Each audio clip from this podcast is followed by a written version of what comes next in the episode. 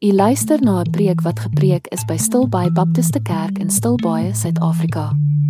Vir meer inligting, besoek asseblief ons webblad by stilbaibaptist.co.za. Mag u geseën word deur God se woord vandag.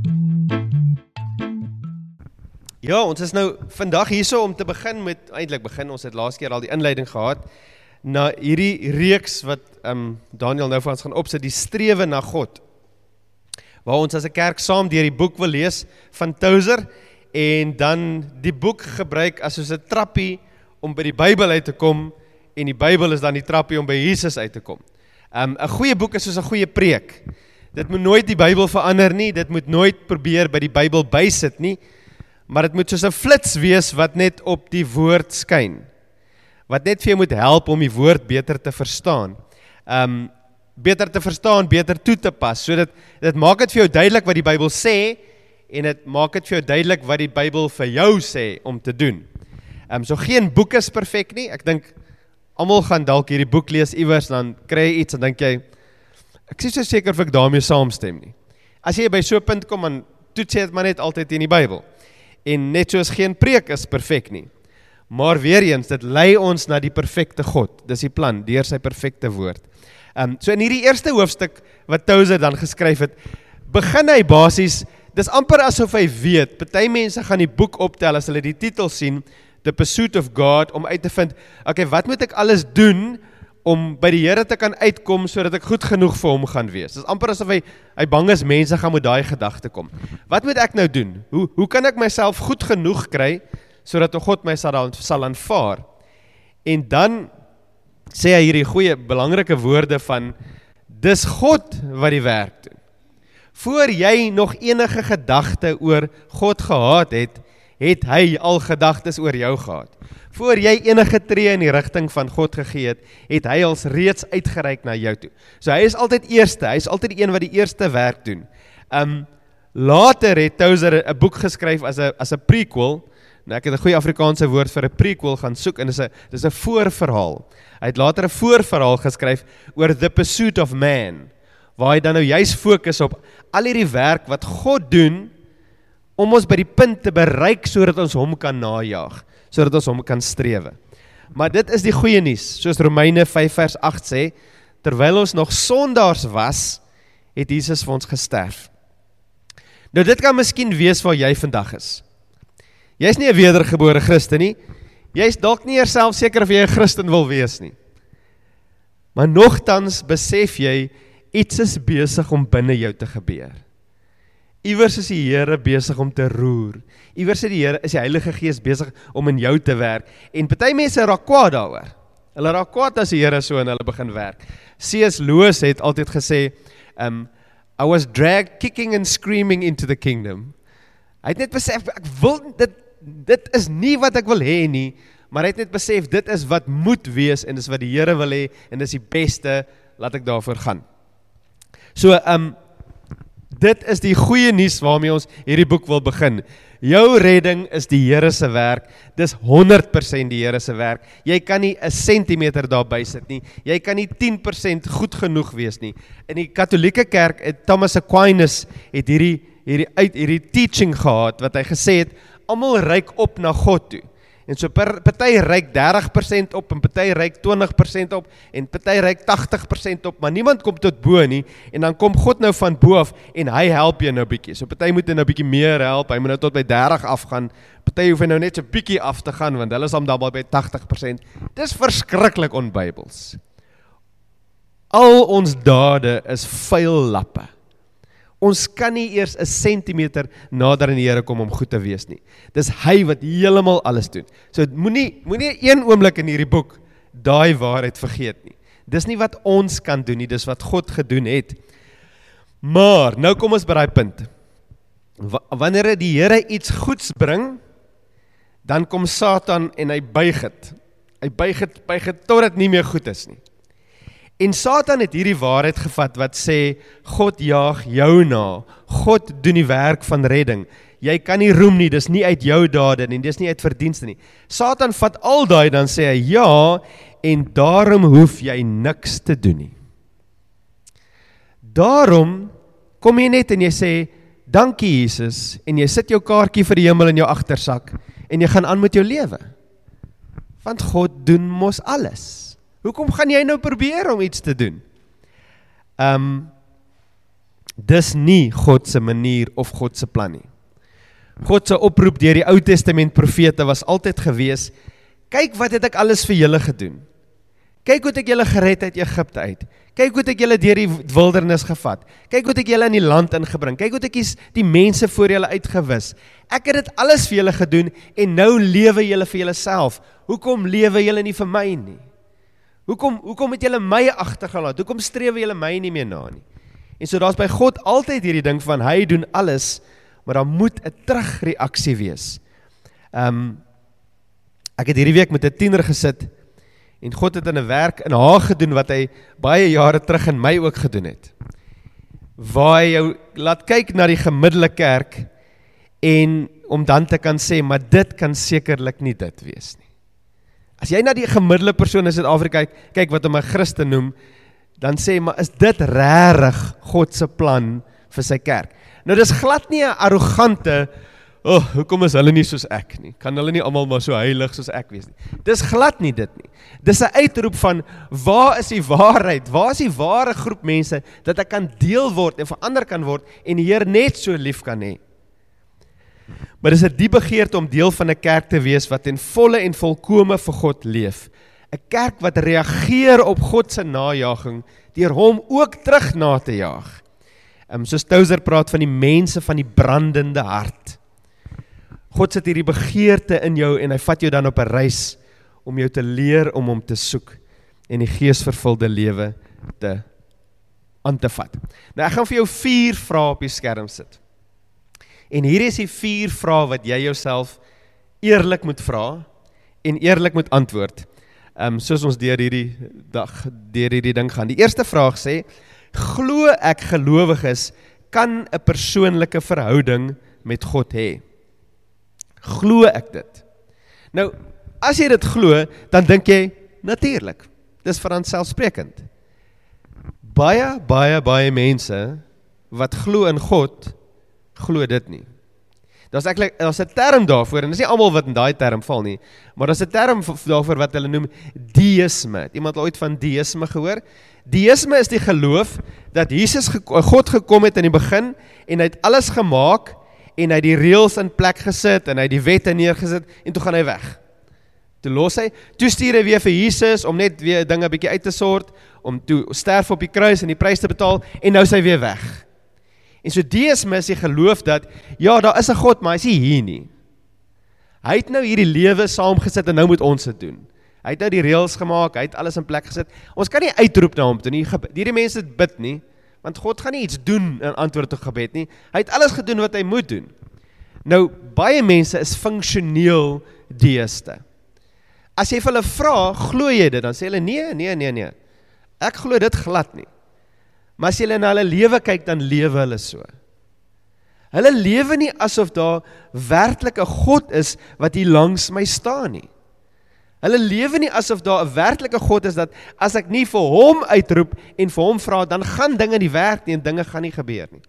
En so die eerste vraag daarso is: glo ek gelowiges kan 'n persoonlike verhouding elke individueel, nie net as 'n kerk nie, individueel met die Here hê? Nou die die ding wat ons ook heeltyd gaan moet ges oorgesels as ons deur hierdie boek gaan, is hoe lyk hierdie verhouding? Ons sal geleer dis nie vir ons om te definieer hoe hierdie verhouding lyk nie. Ek kom nie na die Here toe en ek sê vir hom ek wil 'n verhouding met u hê en dis hoe dit gaan werk. U gaan nou vir my dit doen en ek gaan nou begin dit doen en u moet hierdie wonderwerke doen en dan as ek by u sit dan wil ek hierdie gevoelens hê en my hart moet so klop. Ons is nie hier om daai daai verhouding te definieer nie. Ons gaan leer hoe daai verhouding lyk. Ehm um, maar ander dis die eerste waarskuwing. Die ander waarskuwing is dat ons baie versigtig in hierdie verhouding moet word dat dit nie God en nog iets is nie. So ek hou van die Here want dis God en wonderwerke. En dan later is dit net wonderwerke. As ek in 'n kerk of in 'n byeenkoms was en niemand is genees nie, dan was dit nie 'n goeie samekoms nie want die Here het nie gewerk nie. Of God en rykdom of God en geestelike gawes of God en ons moet versigtig daarvoor wees want die en raak gewoonlik die belangrike ene. En die ander ene wat soos 'n lyn deur hierdie boek gaan moet nooit dink hierdie verhouding gebeur sonder die Bybel nie. Hierdie is 'n verhouding wat onmoontlik is as dit nie deur die Bybel gaan nie. So jaar terug het iemand vir my gesê hy gaan nou ophou sy Bybel lees vir 6 maande want hy wil nou regtig van die Here hoor. En dink ek, "Wat? Jy verstaan nie. Die Gees het die woord geskryf. Die Gees praat met jou. Ja, maar die woord is 'n primêre deel van daai verhouding en daai gesprek met jou. Okay, so die eerste vraag is: glo ek dat gelowiges 'n persoonlike verhouding met die Here kan hê? Nou die volgende vraag is: glo ek dat God so 'n persoonlike verhouding met my wil hê? Die, die idee van 'n verhouding is dalk iets waarmee jy saamstem. Maar is jy by daai punt waar jy waar jy dink, maar die Here staan daar en hy wag vir my om te kom. Hy sien uit daarna dat ek begin hierdie verhouding of sê hy my lys is nou vol, doen maar volgende week weer aansoek. Miskien sit ek dan 'n plekkie vir jou. Dat hy sê nee, ek wag vir jou. Ehm um, Gerard de Toey sê altyd God het 'n baie groter begeerte om tyd met jou te spandeer as wat jy het om met hom te spandeer. Hy wil 'n verhouding met jou hê. Ehm um, nou weer eens vir almal is dit nie so nie. Baie het hierdie idee van jy kry party ouers wat verskriklik trots daarop is as hulle kinders heeltemal onafhanklik raak. As my kind die huis verlaat en hy bel my nooit weer nie, dan beteken dit ek was 'n baie goeie ouer gewees, want ek het hierdie kind geleer om op sy eie voete te staan en die wêreld in te gaan. En dis hoe mense oor God voel. God het my nou gered en nou stuur hy my in die wêreld in en hy's so bly dat dit net goed gaan met my. Hy hoef nie met my te praat nie. Ek hoef nie verhouding met hom te hê nie. Hy's net trots op my dat dit nou so goed met my gaan. Glo ek dat God so 'n persoonlike verhouding met my wil hê? Dan gaan ons dieper en nommer 3 sê begeer ek so 'n persoonlike verhouding met God. Begeer ek dit. Ons het nou nog gehoor van Dawid wat uitroep en hy sê my hart is seer as dit nie so is nie. En ek roep uit, ek ek ek dors daarna om om net in u teenwoordigheid te wees. Um begeer ek so 'n persoonlike verhouding met die Here. Nou ruk terug het ek in 'n groep mense gevra en gesê Wat was jou ervaring van God? Dit was einde verlede jaar. Wat was jou ervaring van God hierdie jaar? En 95% van hulle het gepraat oor iets wat God gedoen het. Nou, dis natuurlik nie verkeerd nie. Ons is baie bly dat God iets gedoen het. Maar het jy 'n verhouding met jou vrou net as sy iets vir jou doen? As ek vir jou vra hoekom is jy lief vir jou vrou? Want sy maak vir my koffie in die oggende. En as die koffie ophou, hm, dan sal ons moet sien. Verstaan jy, ons moet ons moet baie versigtig wees dat ek nie 'n begeerte het vir wat God vir my kan doen primêr nie. Ons praat hier van 'n begeerte na God. In dieselfde manier dat as jy en jou vrou hopelik nog steeds, maar dit was verseker so aan die begin, Jy wil net in haar teenwoordigheid wees. Jy wil net hoor as sy iets sê en en sien hoe sy oor die lewe voel en met haar praat oor hoe jy oor die lewe voel en om net daai tyd saam met haar te spandeer. Of sy nou vir jou koffie gemaak het of nie, is irrelevant. Jy wil net daar wees. Dis die tipe verhouding waarvan ons praat. Nie Jesus doen dit, doen dit, doen dit. O, okay, is goed want U doen heeltyd dinge vir my. Om net by die Here te sit. Nou weer eens, Dis nie vir ons om te definieer hoe daai lyk nie, ons gaan dit nog leer. En dan die volgende een is streef ek om so 'n persoonlike verhouding met God te ontwikkel. Dink ek dit gaan net van self gebeur? Dink ek ek gaan nou maar net aan en hierdie ding gaan gebeur of besef ek soos hierdie boek sê, daar moet 'n strewe na God wees. Daar moet iets van my kant af wees wat sê, Here, omdat U dit alles gedoen het, gaan ek nou alles in my vermoë doen om U na te jaag en U te leer ken. So dit is waar ons vandag is. In die hoofstuk vandag en dieselfde titel van ons preek is jaag God ywerig na. So wat ons gaan doen is ons gaan na 'n teks in die Bybel kyk wat hierdie selfde ding beskryf. Ek het gesê ons gaan nie die boek preek nie, ons preek die Bybel. So jy kan jou Bybel oopmaak by 1 Petrus 1. Ons gaan lees van vers 23 tot hoofstuk 2 vers 6. Ehm um, voor ons lees, kom ons bid net gou saam. Ja, Hemelse Vader, dankie dat ons kan kom u woord oopmaak. Ons wil by u hoor wat u wil hê. Ons wil by u hoor wat u van ons wil hê hoe u wil hê ons moet antwoord op hierdie wonderlike werk wat u gedoen het. Here, ek wil bid dat ons regtig die braafheid sal hê en die moed sal hê en die krag sal hê om te identifiseer as ons vassit in kulturele idees. As ons vassit in denominasie idees wat dalk nie inpas by die Bybel nie. Dat ons dinge maar net altyd aanvaar het omdat dit so vir ons gesê is in die verlede maar dat ons self daai soeke in die Bybel gaan doen om uit te vind wat U wil hê en dit na te jaag. En so dis ons gebed in die wonderlike naam van Jesus. Amen. Denise gaan vir ons kom lees. Ons jy kan jou Bybel oopmaak daar by 1 Petrus 1 vers 23 tot 2 vers 6.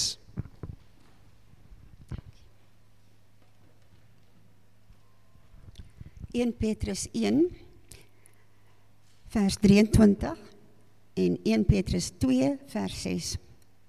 Julle is immers weergebore, nie uit verganklike saad nie, maar uit onverganklike saad, deur die lewende en blywende woord van God. Want elke mens is soos gras en al sy pragt is soos 'n veldblom. Die gras verdroog en die blom val af, maar die woord van die Here bly tot in ewigheid. En dit is die evangelie woord wat aan julle verkondig is. Lê daarom alles wat sleg is en alle bedrog en gefeinsheid en jaloesie en alle geskinder af en smag soos pasgebore babetjies na die suiwer geestelike melk sodat jy daardeur kan groei met die oog op jou verlossing nou dat jy die goedheid van die Here gesmaak het. Kom na my toe, die lewende klip wat wel deur mense afgekeur is, maar voor God uitverkore en vir hom kosbaar is en laat julle as lewende klippe opbou tot 'n geestelike huis, 'n heilige priesterdom om geestelike offers te bring wat deur Jesus Christus vir God aanneemlik is. Daar staan immers in die skrif: Kyk, ek sit in Sion 'n klip neer, 'n hoeksteen, uitverkore en kosbaar. Maar wie in hom glo, sal verseker nie beskaamd staan nie.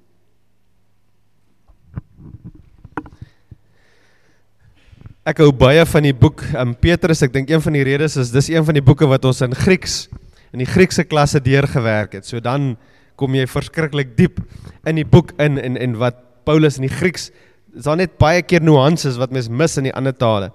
Maar die eerste deel van Petrus is hierdie wonderlike beskrywing van wat God gedoen het.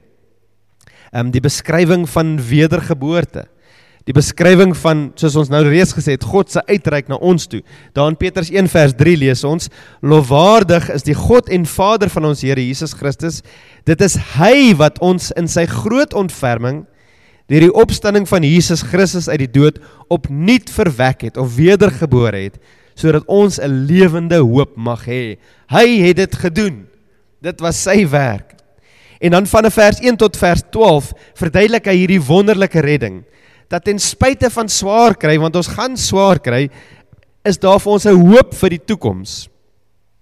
Um en omdat dit alles net God se werk is en ons niks hoef te doen nie, toe eindig Peter sy brief by um hoofstuk 1 vers 12 en hy sê dis al gaan nou aan met julle lewens, doen wat julle wil, die Here het sy werk gedoen. Is dit waar? Nee. Dan gaan hy in en sê daarom omdat God dit gedoen het, moet julle nou dit doen. En hierso van vers 13 af praat hy oor hoe ons moet reageer op God se liefde. Nou dis bietjie moeilik om in die Engels altyd op te tel, maar daar's 4 imperatives in daai stukkie. Daar's 4 opdragte en die res bou net om daai opdragte. Die eerste opdrag is in vers 13 waar hy sê hoop volkome op die genade wat gaan kom. Die tweede opdrag is in vers 15 waar hy sê wees heilig in julle lewenswandel. Die derde een is in vers 17, tree met op sag ontsag op. En die vierde een is in vers 22 waar hy sê hê mekaar innig lief. Nou, klink dit lekker en maklik? Kom, hou hoop net volkom op die genade. Moenie moenie bekommerd raak as Eskom heeltemal platval nie. Ons lewe hang nie daarvan af nie. Ja, hoekom is gaan dit aan? Glimlag, gaan aan. Wees heilig in jou lewenswandel. Moenie niks verkeerd doen nie. Hou net op. Ehm um, tree met ontzag op elke oomblik, elke ding wat jy doen, tree op met 'n uiterste respek en en en en eer aan die Here. En wees net lief vir almal om jou. Die moeilikes, jou skoonma, jou buurman, ehm um, Julius Malema, Ramaphosa, wees net lief vir almal van hulle. Broederliefde.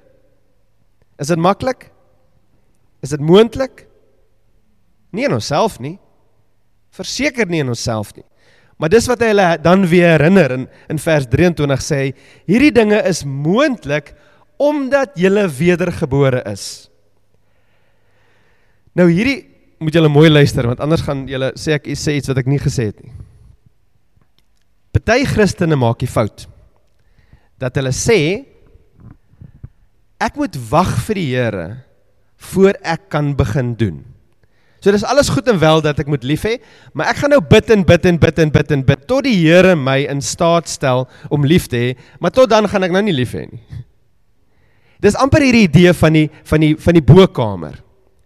Ons gaan niks doen nie, ons gaan net in die bokamer gaan sit totdat die Here krag gee en dan gaan ons begin doen wat hy sê. Maar ons moet besef, ons sit nie in die bokamer nie.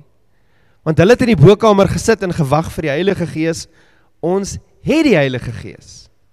En so een ding van hierdie hierdie reis waarop ons is na strewe na God is dat jy moenie wag tot jy genoeg krag het om dit te begin doen nie.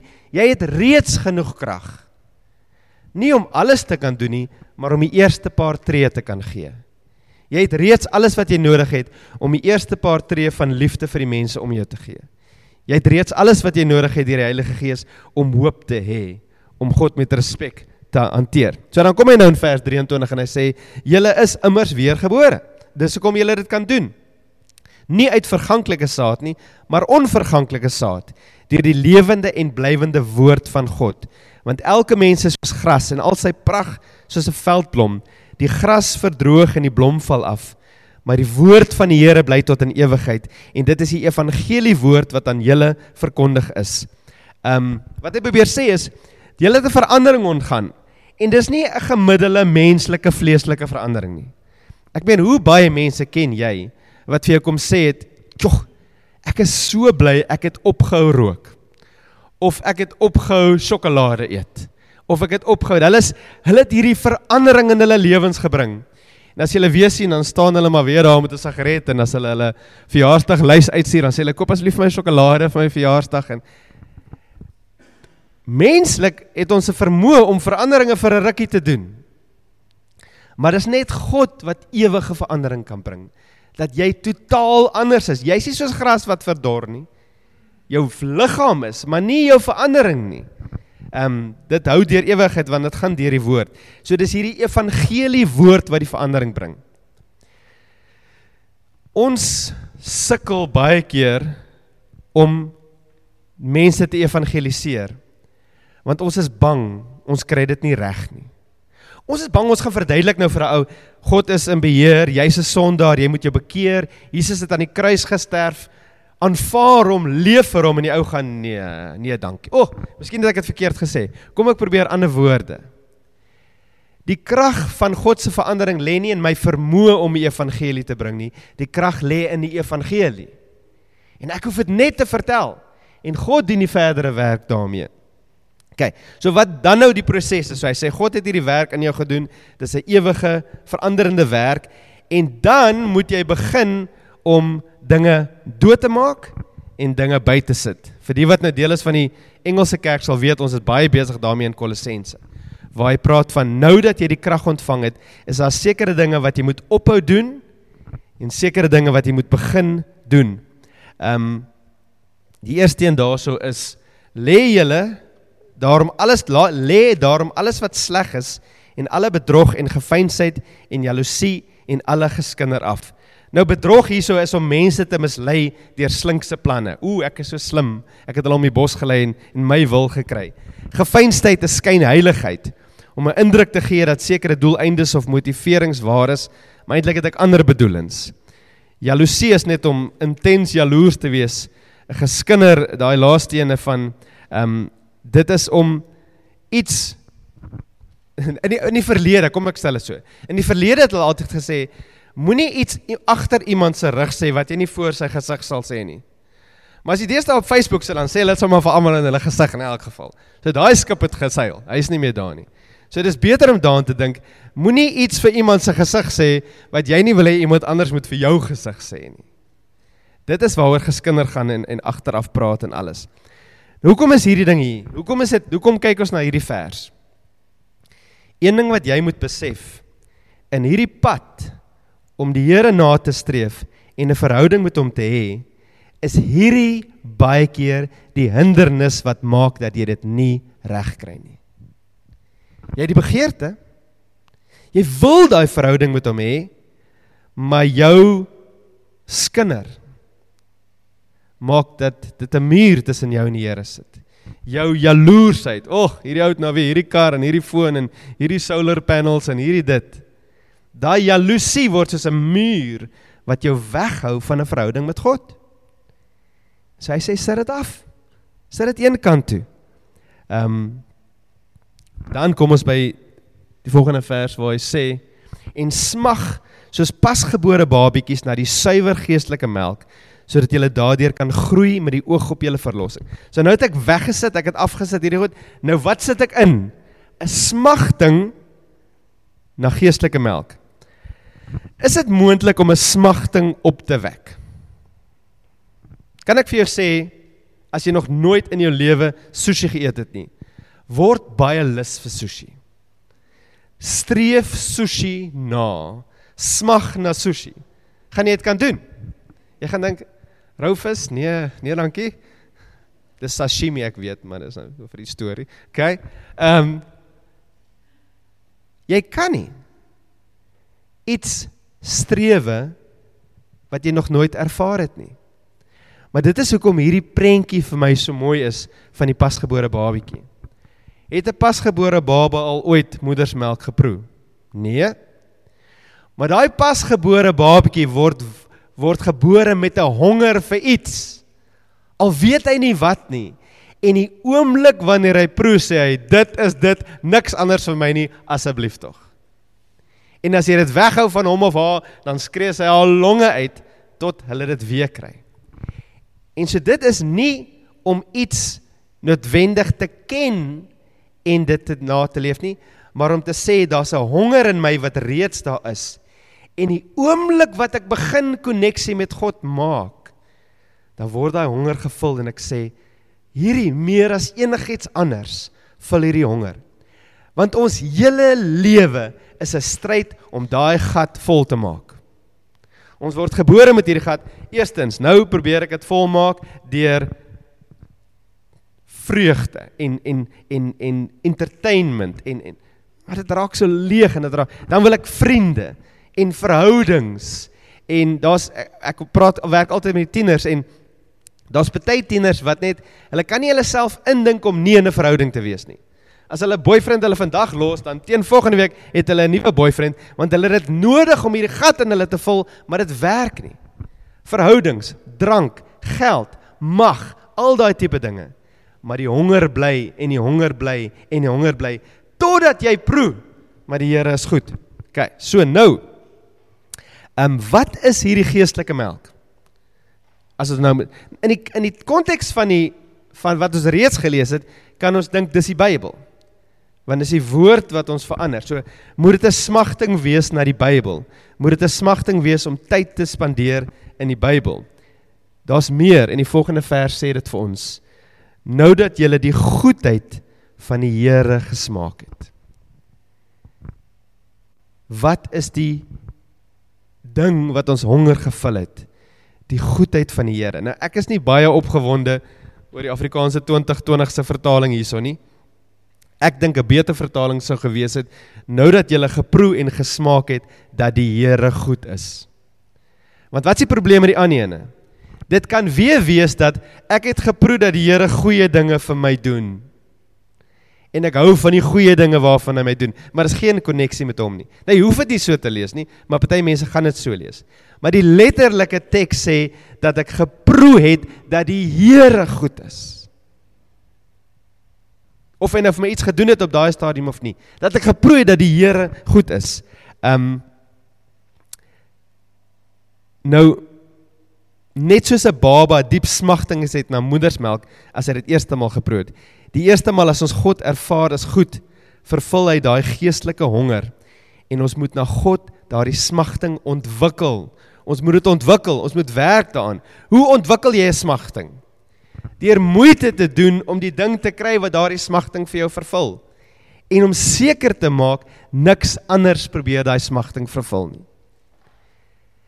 Jy mag dalk dink ek gaan God hê, maar ek gaan ook die wêreld hê. En dan later vernietig hierdie ene die ander ene. Want selfs met babietjies al is moedersmelk so goed vir hulle, kan jy hulle kry om iets anders te eet. Een van julle al ooit julle kinders moeders um kondensmelk gevoer toe hulle klein was? Sê asseblief nie ja nie, want anders moet ek jou gaan aangee by een of ander sosiale raad. In party van die armer lande doen hulle dit want daar's om een of ander rede nie moedersmelk en dan gee hulle hulle vir kinders iets soos kondensmelk. Nou ek gaan vir jou 'n foto wys wat skok warning vir almal oor 'n seentjie wat groot gemaak is op kondensmelk. Hy is 16 maande oud en hy weeg 27 kg triple XL diapers en sy pa se klere. Het die moeder het die kondensmelk sy honger genoeg vervul? Ja. Het dit sy lewe vernietig? Ja. En dis die probleem met al hierdie ander dinge wat ons najag. Dis altyd net goed genoeg dat ons weer gaan probeer. Ek meen as ek dit glad nie gedoen het, dan sou ons mos nie 'n tweede keer probeer dit nie. Maar nou het ek uitgegaan met my vriende en ons het lekker gekuier en ons het geparty en ek voel so sleg die volgende dag, maar ek dink ek moet volgende keer net meer water drink. Miskien sal dit dan volgende keer moet ek net nie dit doen nie. Volgende keer moet ek net sorg my vriende is by my. Jy jy dink dit dit was nie goed genoeg nie, maar ek dink dit kan wees. Ek moet dit net regkry en jy gaan aan en jy gaan aan en jy gaan aan en jy vernietig jou lewe. Dis vir my altyd die Ons het nou ook weer hierdie week met die tieners gepraat, die die verskil van wat die Here gee in vreugde en die wêreld. Die wêreldse vreugde kom so baie keer met skuldgevoelens saam. Waar die vreugde van die Here is vryheid en genade en liefde. Kyk, so nou gaan hy na 'n ander beeld toe om vir jou te verduidelik, maar hoe smag ek dit na? Wat moet ek doen om hierdie smagting uit te leef? Kom ons by vers 4 waar hy sê: "Kom na hom toe." Die lewende klip wat wel deur mense afgekeur is, maar voor God uitverkore en vir hom kosbaar is. Hoe vervul ek dit? Kom na hom toe. Moenie op 'n afstand staan nie. Nou vir party mense is dit 'n baie vreemde stelling. Karel J, God is oral. Hoe op aarde kan ek na hom toe gaan? Hoe op aarde kan ek iewers wees waar hy nie is nie en dan na hom toe gaan? Ek dink Touser later in die boek praat van die die die stelling dat God oral is en die ervaring dat God oral is. So hierdie is 'n stelling om te sê ek begin beleef wat waar is. Ek begin my lewe lewe in die lig daarvan dat God hier is en ek kom na hom toe. Hy's altyd daar. Partykeer ehm um, dan sien jy by ander plekke waar die veral die sangleiers hou daarvan om dit te doen. Dan sê hulle Here ons verwelkom u hierso. Dan dink ek hy was lank voor jou al hier gewees. Verwelkom jouself hierso. Ehm um, ons kan nie God hier verwelkom nie. Hy's reeds hier. Hy reeds ryk hy ryk. Dis ons wat moet nader tree in sy ervaringsteenwoordigheid in. Dis wat hierdie oproep is. Wil jy 'n smagting vir geestelike melk hê? Kom na die Here toe. Tyd, dit vat tyd. Dit vat energie, dit vat fokus. Moenie uh, aandag afleibaar wees en kry iets om jou fokus daarop te sit. Spandeer tyd met die Here. Um wat is hy? Hy is die hoekskeen wat afgekeur is. Pas baie in by ons preek van die ander dag. Maar hy het die lewende klip gekoop wat vir God uitverkies en kosbaar is. En dan sê hy in vers 5 en laat julle as lewende klippe opbou tot 'n geestelike huis heilige priesterdom om geestelike offers te bring deur Jesus wat deur Jesus Christus vir God aanneemlik is. Daar staan immers in die skrif: "Kyk, ek sit in Sion 'n klip neer, 'n hoeksteen, uitverkore en kosbaar. Wie in hom glo sal verseker nie beskaam staan nie." So die prentjie hierso is: Nou wil ek die Here ervaar. En ek besef daar is Jesus. En ek hy is die rots. Die enigste rots waarmee jy jou lewe kan bou. En jy gaan na hom toe en jy begin jou lewe op hom bou. Met ander woorde, alles wat jy doen, het hom as fondasie. Die werk wat ek kies, het hom as fondasie. Nou dis iets wat my altyd jare later baie baie vreemd wat ek vreemd ervaar het. Ek het groot geword in 'n kerk waar almal in die kerk is. Almal kom doen belydenis van geloof, almal gaan kerk toe en alles. Almal gaan sonnaskool toe, almal, almal. En dan kom ons in graad 11 en dan begin hulle praat oor watter werk jy eendag wil doen. Hierdie wil dit doen en hierdie hoekom wil jy dit doen? Nee, want ek hou daarvan en ek wil geld maak en ek wil ryk word en ek wil beroemd word. Nie een persoon myself insluitend het gesê, "Uh wat wil die Here hê moet ek doen?" Wat kan ek doen vir die Here met my lewe? Nou miskien was ek net in 'n slegte skool gewees. Miskien is dit nie julle ervaring nie. Maar ons kompartementeer ons lewe so. Okay, Sondag is Jesus se, Saterdag aand is myne. Ehm uh, Woensdagmiddag is Jesus se, uh Woensdag aand is myne. Alles moet op die hoeksteen gebou word. My werkskeuses, hoe ek my man of my vrou liefhet, hoe ek my kinders laat groot word, hoe ek my bure behandel, hoe ek oor die regering praat, hoe ek in vrees lewe vir vir Eskom of nie. Daai tipe dinge.